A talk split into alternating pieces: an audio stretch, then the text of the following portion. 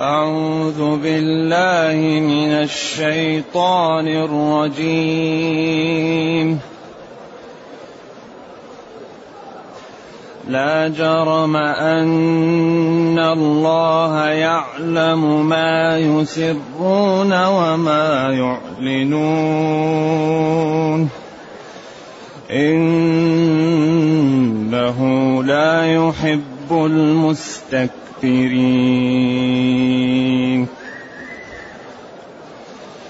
وإذا قيل لهم ماذا أنزل ربكم قالوا قالوا أساطير الأولين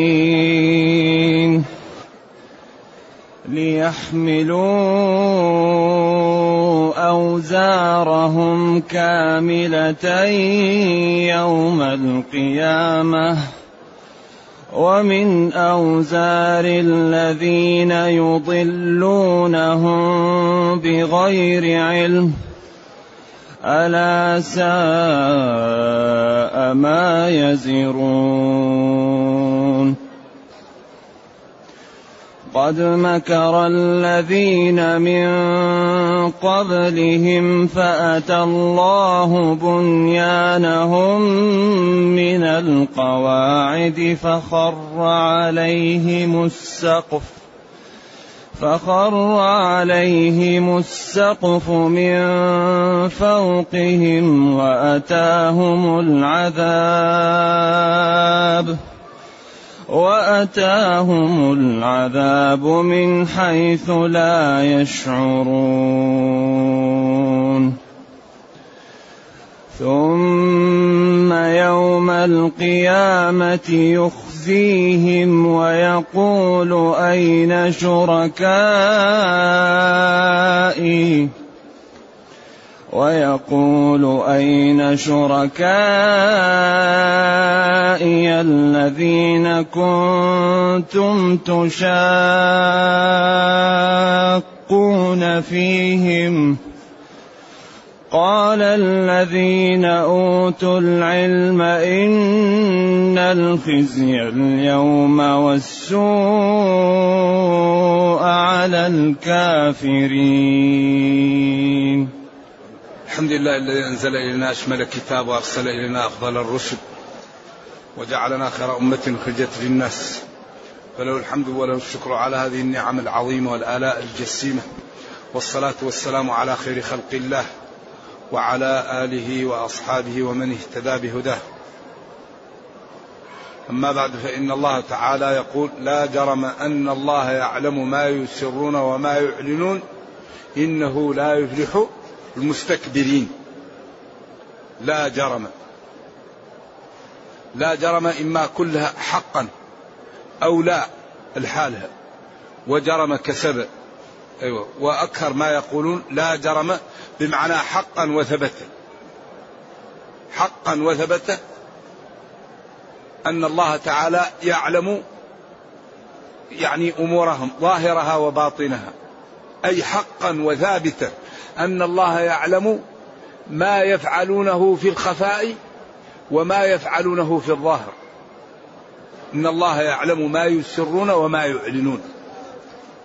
وهذا في في داخله التهديد والتخويف ما دام الله يعلم ما يسر العبد وما يعلن فحري به أن يخلص ويجعل أعماله طيبة لا شائبة فيها.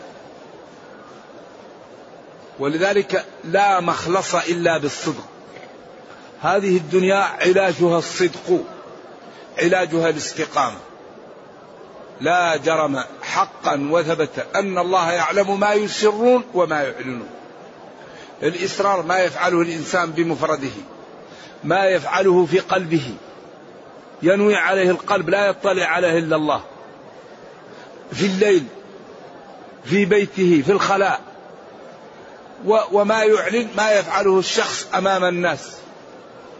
لذلك لا ينال العبد من عمله إلا ما كان لله. ابدا. لأن الله لا تخفى عليه خافية.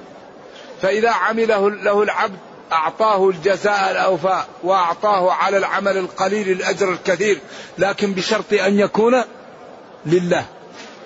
وإذا عمل لغير الله قد يعطيه أجره في الدنيا. كما قال من كان يريد العاجلة عجلنا له فيها ما نشاء لمن نريد. ثم جعلنا له جهنم. فلذلك ينبغي للعاقل أن يجعل بينه وبين ربه عمل خاص.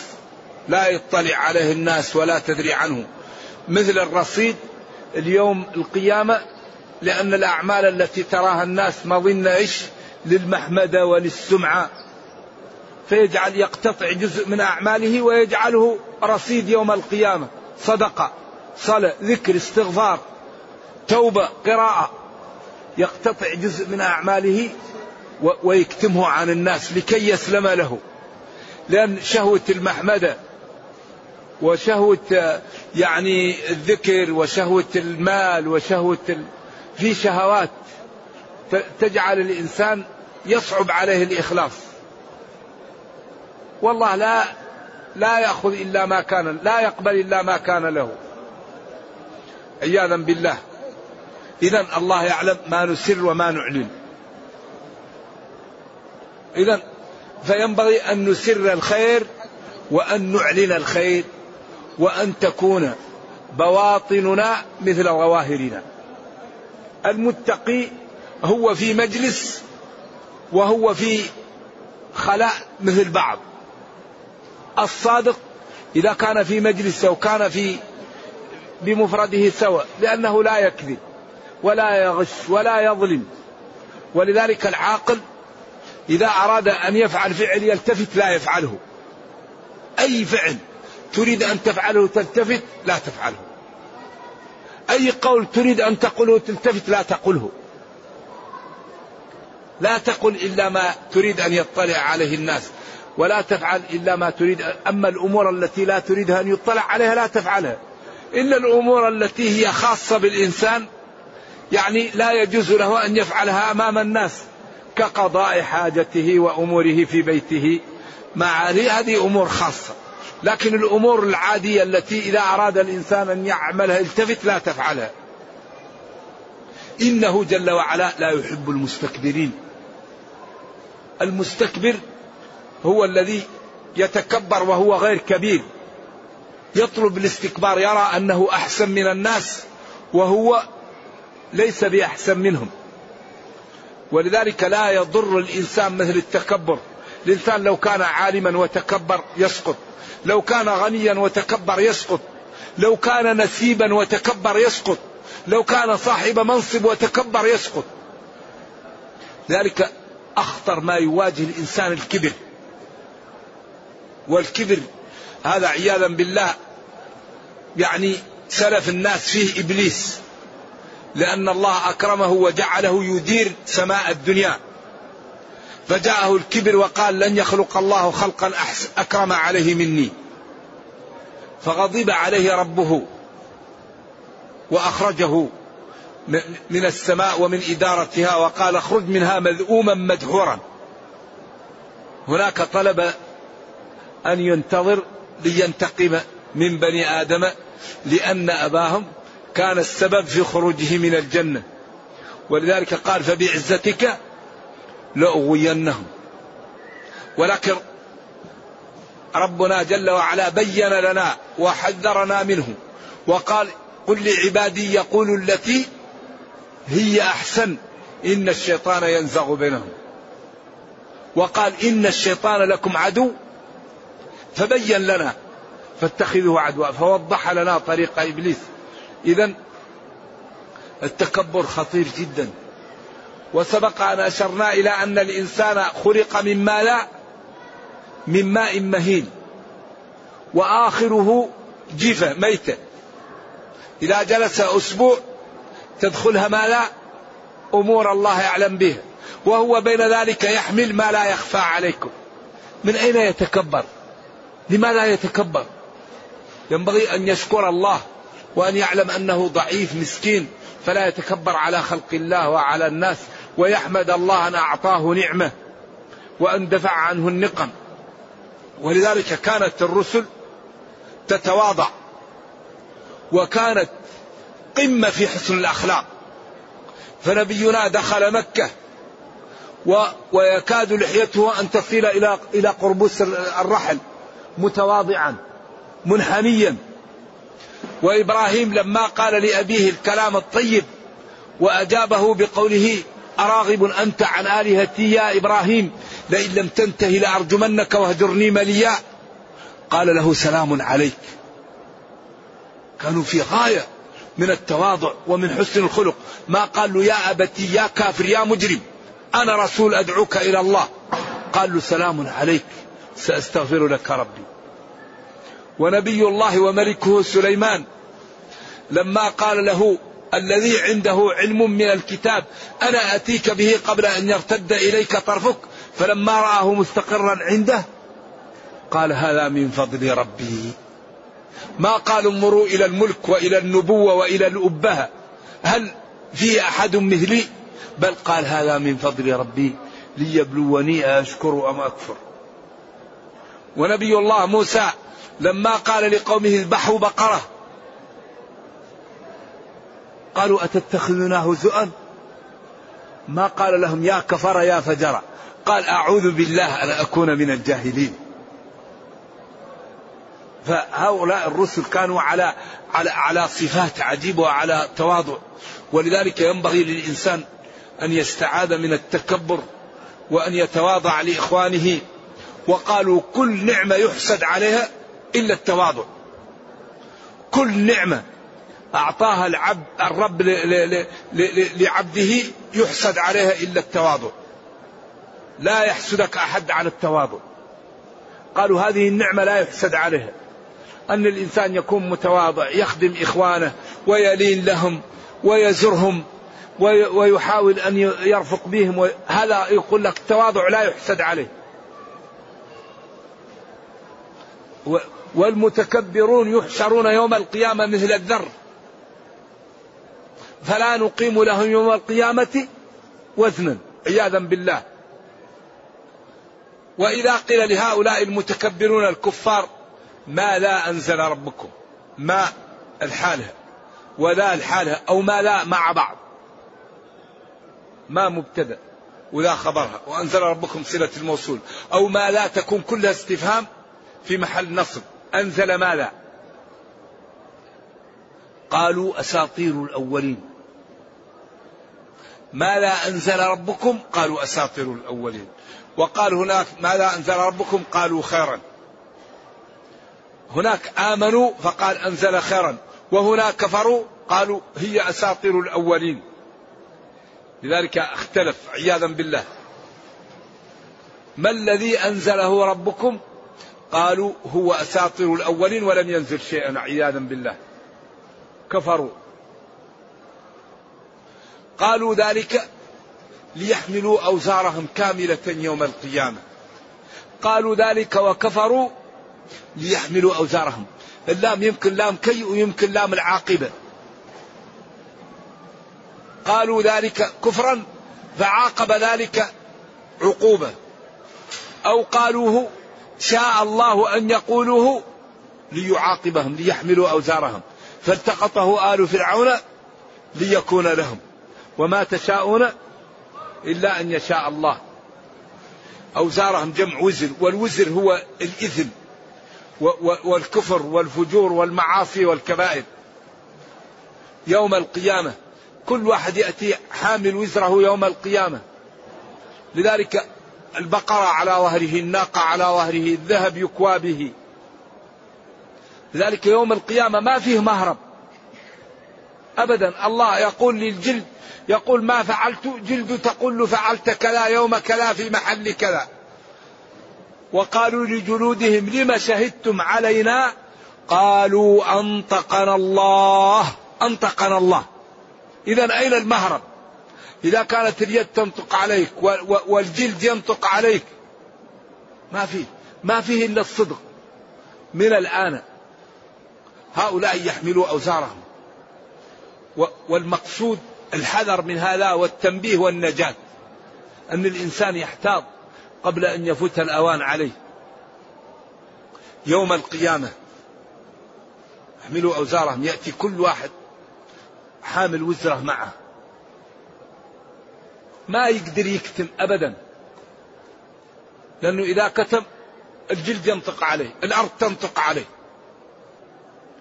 ومن أوزار الذين يضلونهم بغير علم. وهذه الآية فيها إشكال. ومن أوزار الذين يضلونهم. ويحملون أوزار من ضلوهم. الذين أضلوهم من الناس إيش؟ يحملون أوزارهم لأنهم سبب في ضلالهم. ولذلك في الحديث الصحيح. من سن سنة حسنة فله أجرها وأجر من عمل بها. إلى قيام لا ينقص ذلك من حسناتهم شيء ومن سن سنة سيئة فله وزرها ووزر من عمل بها لا ينقص ذلك من أوزارهم شيء ولذلك الذين جاءوا لابسين نمار وحالتهم فقال رحم الله من تصدق درهمه ديناره ديناره فجاء أنصاري بصرة كبيرة من الذهب ومن الورق وتتابع الناس. فقال من سن سنة حسنة فله أجرها وأجر من عمل. لذلك نحن حسنات الأمة كلها في ميزان نبينا صلى الله عليه وسلم.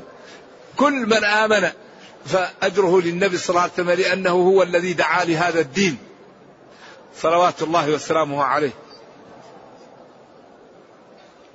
ومن أوزار الذين يضلونهم مع قوله ولا تزر وازرة وزر أخرى وقال لها ما كسبت وعليها ما اكتسبت.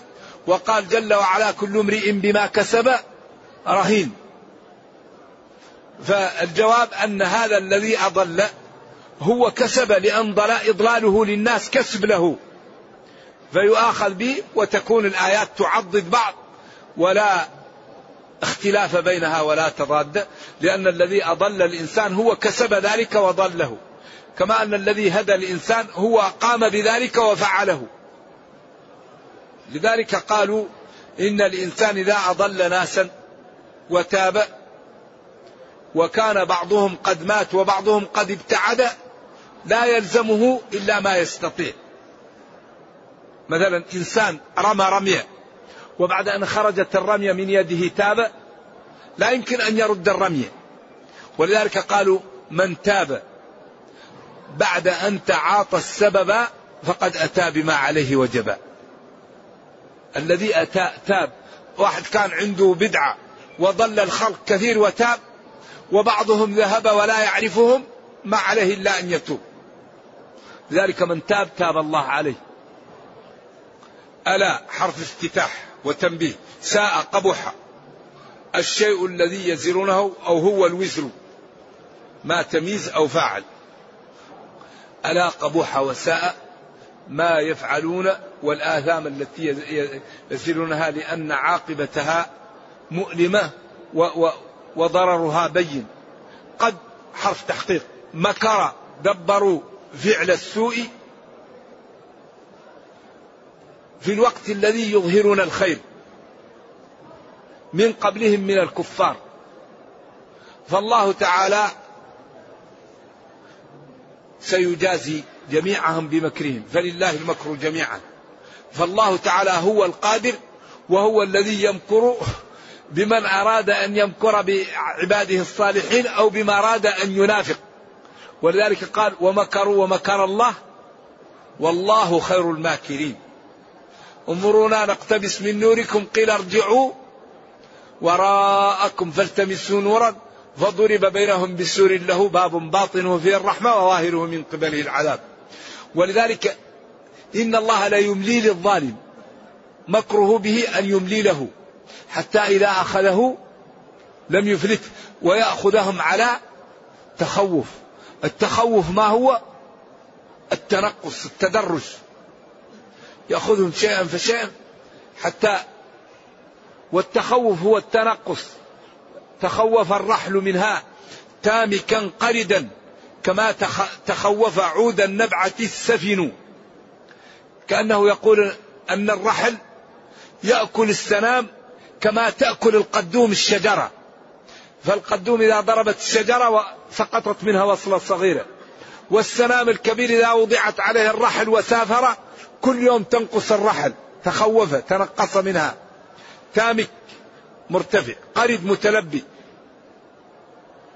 كما تخوف كما تنقص الشجرة السفين الذي يصنع السفن إذا أراد أن يقطع الأشجار يقطع وصلة وصلة حتى تسقط. إذا إن الله لا يملي للظالم حتى إذا أخذه لم يفلت. إذا ألا ساء ما يزرون قد تحقيق مكر دبروا السوء. وعملوا في الخفاء الفجور. فلله مكر المكر جميعا. ها؟ فقد مكر الذين من قبلهم فأتى الله بنيانهم من القواعد. أتى الله بنيانهم من هذا تعبير عن إهلاك الله لهم واستئصاله لهم. وهذا يدخل فيه دخول أول نمرود لما بنى بناء عالي خمسة ألاف متر. وقيل وقال أراد لي يرى ما في السماء فخر عليهم وهلكوا فيه هذا البنيان لطوله فجاء الهواء وأسقطه فماتوا فيه. قد مكر الذين من قبلهم فأتى الله بنيانهم من القواعد ولذلك جاء الهواء وأسقط القواعد ونزل السقف عليهم فهلكوا. ولذلك هذا تعبير عن الاستئصال. هل أتى الله بنيانهم من القواعد استأصلهم وأهلكهم؟ جاء الله بنيانهم من القواعد جمع قاعدة وهذه قواعد.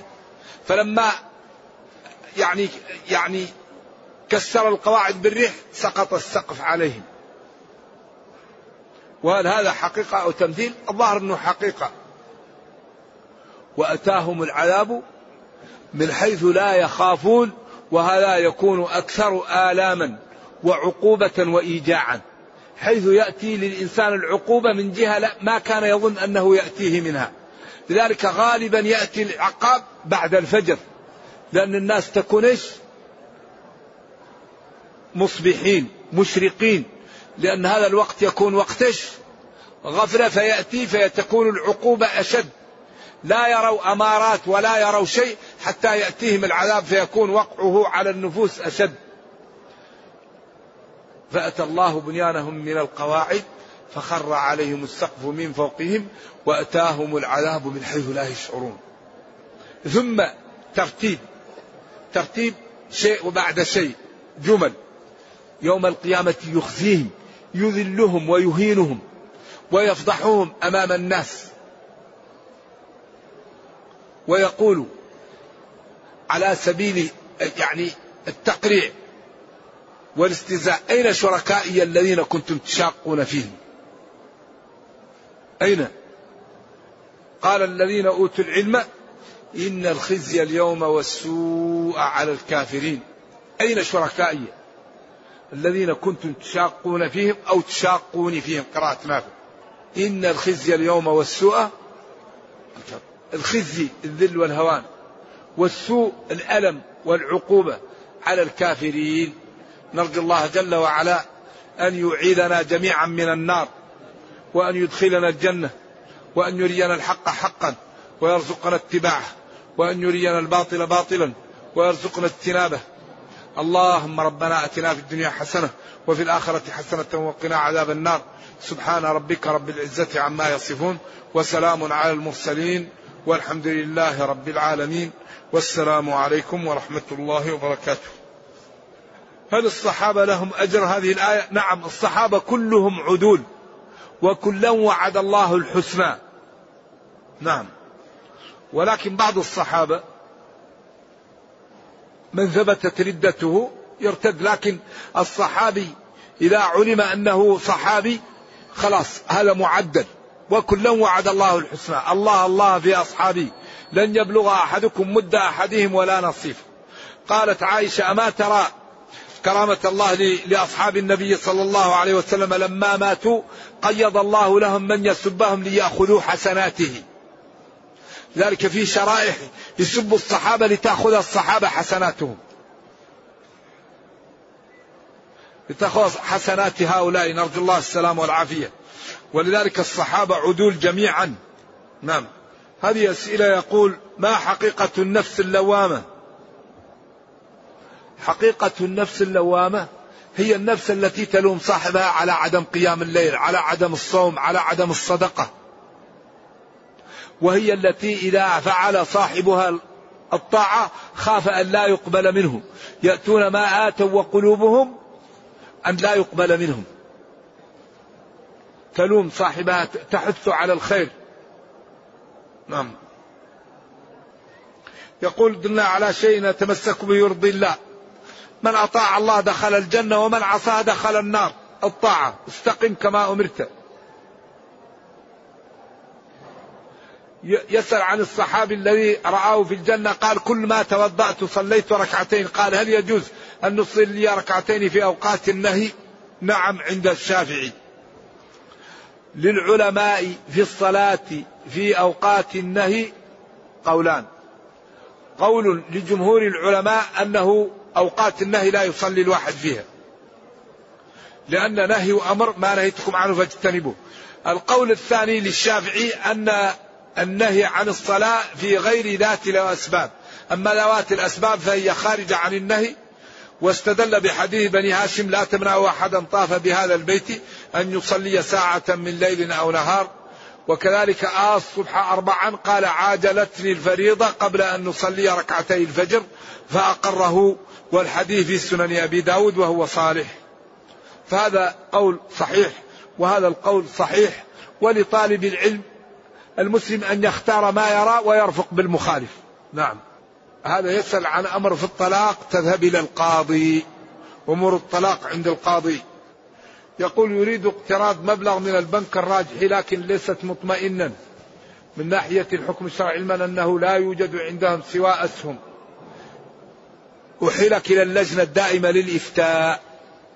عندها فريق أسألهم الله يجزي خير هل يجوز للصيام شهرين متتابعين؟ وما هو اسم شيطان الصلاة؟ اسمه خنزب. خنزب. ويجوز لك صيام شهرين إذا كانت عليك كفارة محققة وتستطيع أن تصوم. وإذا كنت لا تستطيع أن تصوم لا يكلف الله نفسا إلا وسعها.